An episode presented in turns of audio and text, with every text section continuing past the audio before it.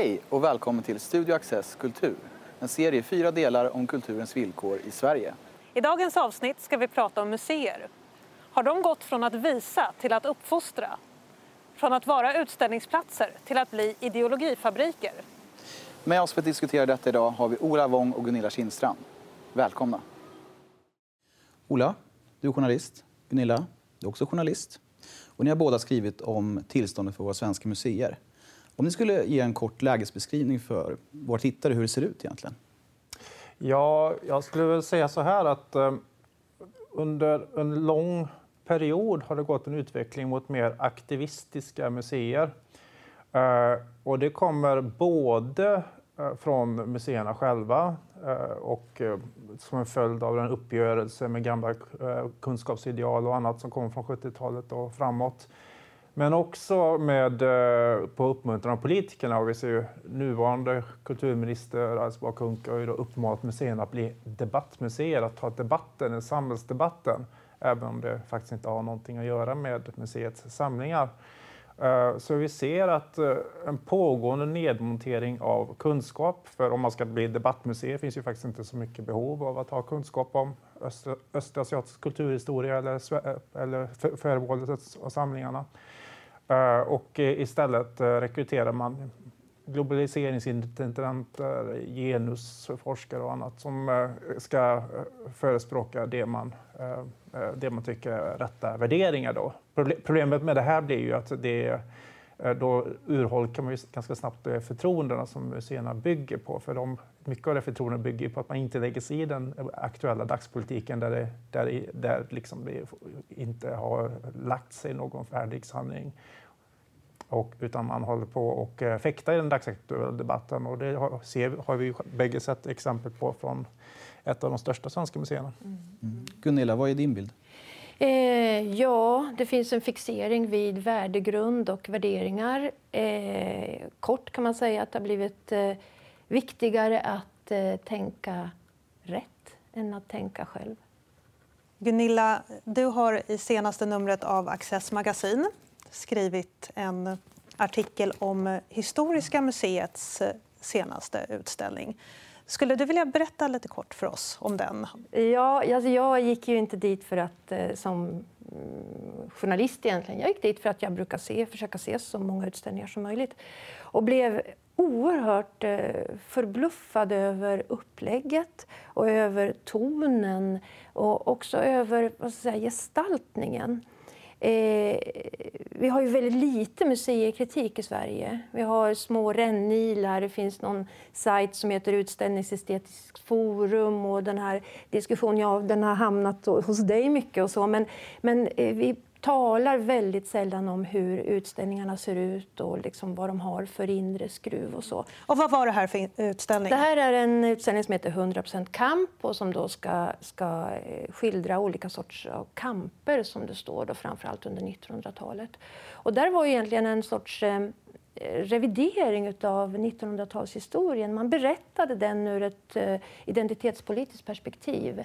Och då för den som inte har intresse eller kunskap eller har brytt sig om att eh, kanske titta på hur eh, socialdemokratin växte fram, folkhemmet växte fram, eh, hur de breda politiska lösningarna har präglat det samhälle som vi lever i idag, så blir det en fullkomligt eh, ufo-upplevelse.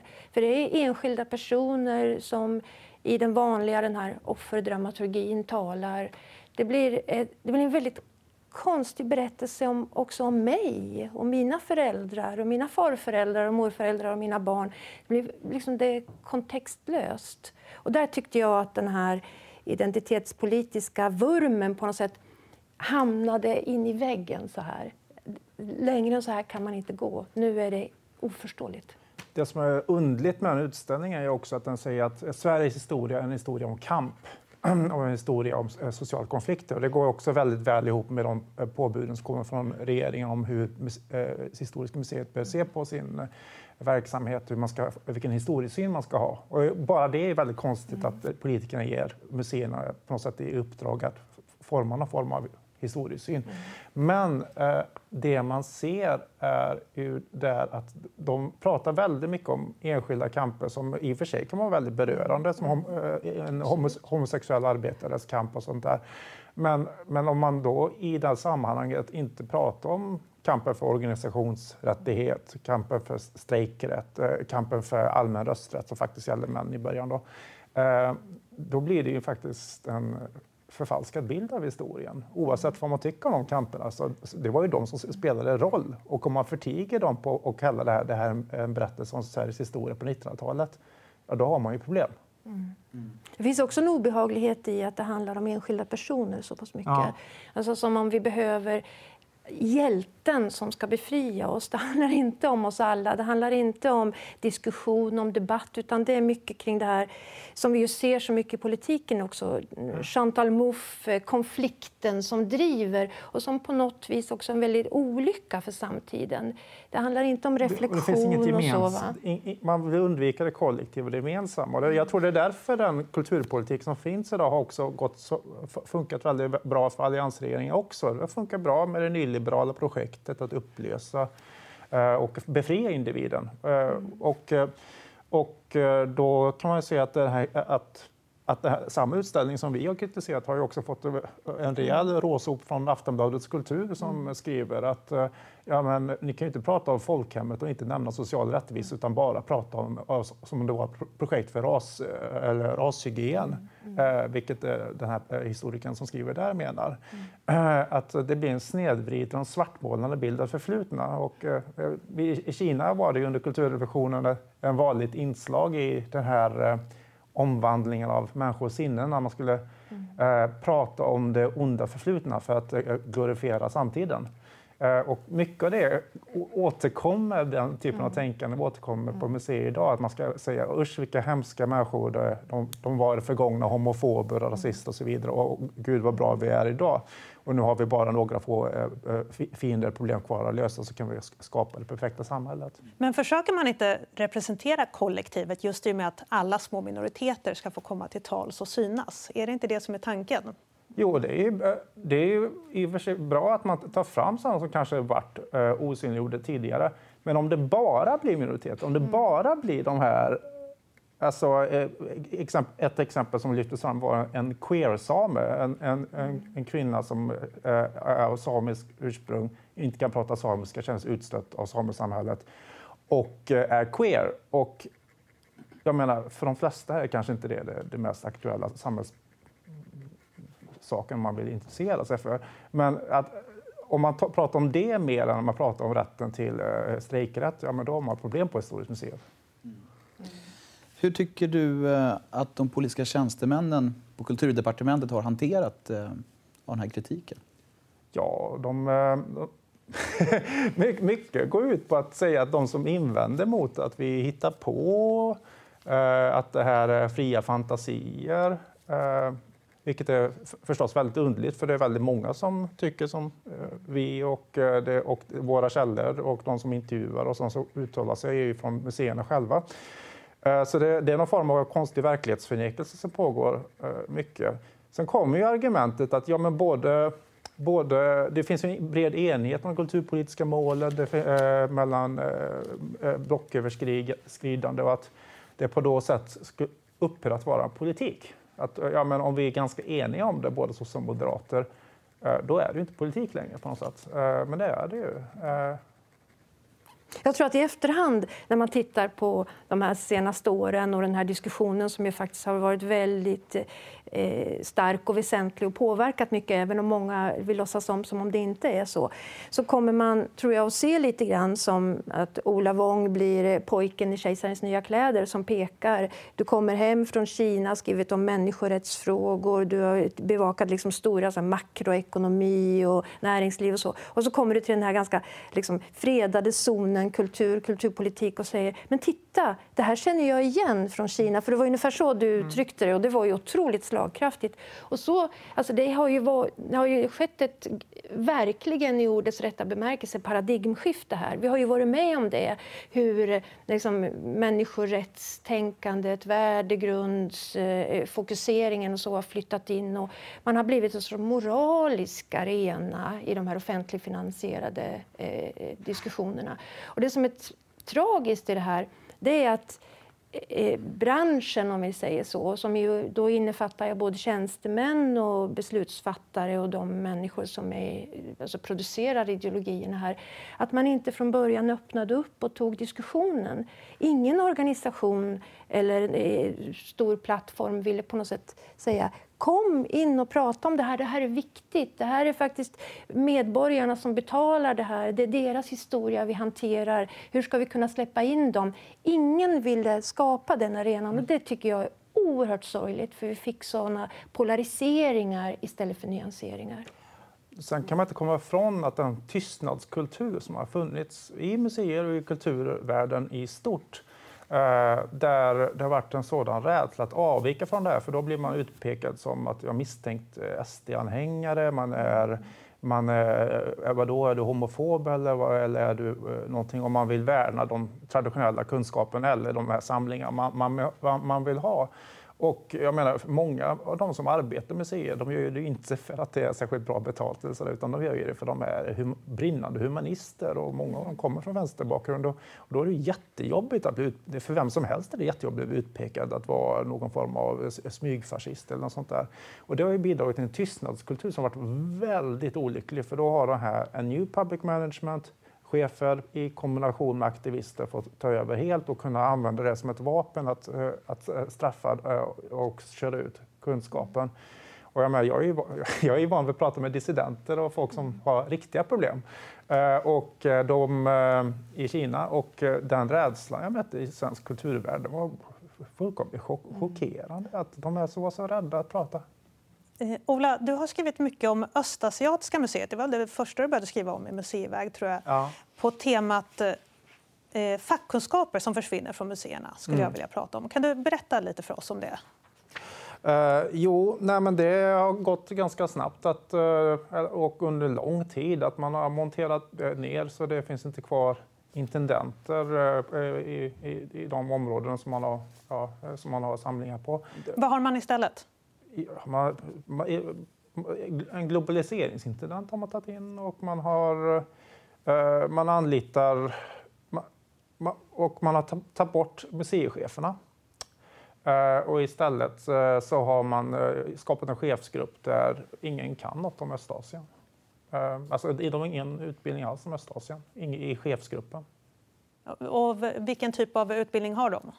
Chefen eh, kommer ju från eh, alltså, eh, den som leder hon kommer ju från Tekniska museet tidigare. Alltså det är någon typ av museierfarenhet som premieras menar du? Jo, det, det, det är helt klart en nedmontering av kunskap som har skett och skett i, i en rasande takt. Samtidigt så kan man ju inte fördöma det faktum att museerna också behövde ta in en massa ny kunskap. Och det kan ju gälla både hbtq-frågor och mångfald och allting sånt. Va? Självklart, det, är ju eh, det, det hoppas jag verkligen att det framgår att det är ju otroligt viktigt. Men en, en process som har blivit väldigt utskälld i det här är det här Agenda kulturarv som startade i början på ja, 2001 eller någonting sånt. När, eh, där länsstyrelserna, museerna, Riksantikvarieämbetet liksom ville skapa en ny, ett nytt sorts deltagande i museernas uppdrag. Att kulturarvet är till för alla. Man ville släppa in föreningar, individer. Alltså, vi skulle kulturarva, som det fult nog blev ett verb av. Men, men, och det, det är ju sympatiskt. Men det var som att hela den upp, man öppnade upp från en ganska eh, dominerande expertgrupp till att säga men vi kan tala tillsammans. Så kom en sorts marsch genom institutionerna, som man sa en gång i tiden. Mm. Så kom det en helt ny grupp och ny idé in i det här om vad vi skulle kunna använda resurserna och institutionerna till. Eh, jag kan tycka när jag läser de här dokumenten som nu är då liksom nästan 20 år gamla så finns det någonting behjärtansvärt i det och någonting också som jag tror är djupt känt hos dem som skrev fram det som verkligen kidnappades och blev någonting helt annat. Ja, jag hör en demokratiseringsprocess som blev fel. Mm på bekostnad av vad som fanns där från början som borde ha bevarats. Det fanns i alla fall en ambition va? som kanske var valhänt och lite diffus. Men, men... Ola, du vill kommentera det? Ja, alltså, om man ska ta, sätta det i siffror så år 2006 innan den första stora personalneddragningen arbetade sju ämneskunniga på Medelhavsmuseet. Och idag är det 1,25 tjänst. Eh, på etnografiska så finns en ämneskunnig intendent. Och år 2012 arbetade fyra personer som kunde något om ämnet. Och det är klart att eh, följden blir ju att eh, man ägnar sig åt saker som inte har... Om, man om, om cheferna inte kan något om ämnet, då ägnar man sig åt saker som inte har med ämnet att göra. Man ägnar sig åt eh, genomgångar av hur mycket kvinnor och män och barn och annat och mätbara saker man kan ha. Man har kvällar där man, som nu i våras, hade en jag tror det var en häxa man hade på Medelhavsmuseet som fick prata om, eh, om ja, häxkonst. Då. Eh, innan brukade, tidigare åtminstone brukade det vara någon form av eh, akademiker med klassisk mm. Men den här liksom spänningen mellan historisk, eh, historiska fakta och upplevelser har ju alltid museerna haft i sig. Att det liksom, kritik, ja. ja men nu, nu slirar ni på faktabasen bara för att det ska bli en upplevelse. Men här har det blivit en, en helt ny dagordning eh, på något vis. Som, och den tror jag accentueras av att det är så Eh, det här är en marknad för faktiskt reklambyråer. Det är byråer som ursprungligen kommer ur reklambranschen som gör många av de här spektakulära utställningarna. Som, som, då, då blir de så uttunnade så att det blir hjärtskärande tydligt. En, som en PR-byrå som arbetat med Världskulturmuseet är ju Bloomy som även är Miljöpartiets eh, PR-byrå. Mm. Mm. Så det finns en viss som man, man, kan upp, åtminstone uppfatta det som en viss osunda kopplingar där, där museerna blir någon form av gratis reklamplats. Men vi kan ju också se att det man har glömt, glömt av är ju att museer är, är i grunden forskningsinstitutioner och det är något som man helt tappat. Mm. Östasiatiska, Östasiatiska museet grundades av Kina-Gunnar Andersson som då introducerade modern fältarkeologi i Kina och eh, som ett forskningsmuseum med en världsberömd forskningsbulletin och det där har man helt tappat bort idag. Man ser museer som något där kidsen kan komma och, få, och i bästa fall få lite kunskap, men det, man ser det inte som det, de, de platser för forskningen. Och det kanske beror också på att, eh, på att det, den övergripande ämbetsstrukturen har tappat det här med forskning. Riksantikvarieämbetet och annat har tappat den kunskap som fanns tidigare. Och att man har ställt om museerna till att bli någon form av eh, aktivistcentrum. Eh, och det gäller, tyvärr gäller det Världskulturmuseet i stor grad. För, för eh, det var redan under Marita Ulvskogs tid som som minister så fick de uppdrag att, att bekämpa, eller lösa integrationsproblem och bekämpa främlingsfientlighet. Och undrar vad ska ett museum med världsberömd samling om Kinas historia med, med de ämnena att göra egentligen? Det är ju inte deras kompetens. Jag funderar lite, kan det också vara ett uttryck för dåligt självförtroende? Alltså man litar inte på utställningarna som sådana utan man måste göra dem interaktiva, man måste liksom locka folk och, och göra avkall på, på eh, ja, de här gamla krukorna som finns där och som alltid har funnits där. De, de räcker inte längre utan vi måste hitta liksom nya sätt att locka besökare. Det är inget fel att locka folk, men man kan också konstatera vilka utställningar som lockar folk. Det är ju ofta ganska, de här terrakottakrigarna mm. och du vet, klassiska utställningar. Är, folk går inte på Vasamuseet för att se eh, filmerna, de går ju för att se på skeppet. Mm. Ja, jag tror ju som, som jag har skrivit om det lite i Access, att det är också som de här institutionerna på något sätt fångna i en väldigt smal glipa av nutid. Man kan på något vis inte hantera på, på ett vettigt vis eh, sin del av att det finns en historia bakom. Utan eh, historien tittas på genom nuets tjocka lins på något vis. Och då blir den fragmenterad, lite oförstådd. Den blir en sorts rekvisita för att eh, gestalta ett nu, en, kanske en politisk nödvändighet eller någonting sånt. Men det blir en nedgradering av historiens värde, som jag uppfattar det. Och det, det, är ju djupt, det är ju väldigt djupt tragiskt. Och man ser det, jag, jag har intresserat mig för den här, hur det här slår också utanför Stockholm, utanför de statliga stora museerna. Och där ser vi nu hur Eh, när man erbjuds, jag ringde runt eh, och kollade lite grann med museichefer, för alltså det finns en sviktande ekonomi på de regionala institutionerna. Och när det kommer då ett, ett erbjudande du inte kan säga nej till ifrån till exempel Forum för levande historia eller någon annan eh, institution som har stora resurser. Och då kommer ett paket med kanske en, ja, en värdegrunds, typ playground, inte den men liknande saker som åker ut i landet som handlar om, om, om, om eh, identiteter. Men någon typ vi. av turnerande ja, utställning? Typ, ja, typ som Riksutställningar en gång fungerade. Då kommer det ett helt paket. Och då kommer lärarhandledningen, då kommer alltihopa, då kommer allt informationsmaterial, då kommer annonserna, det som ska ligga på sajterna.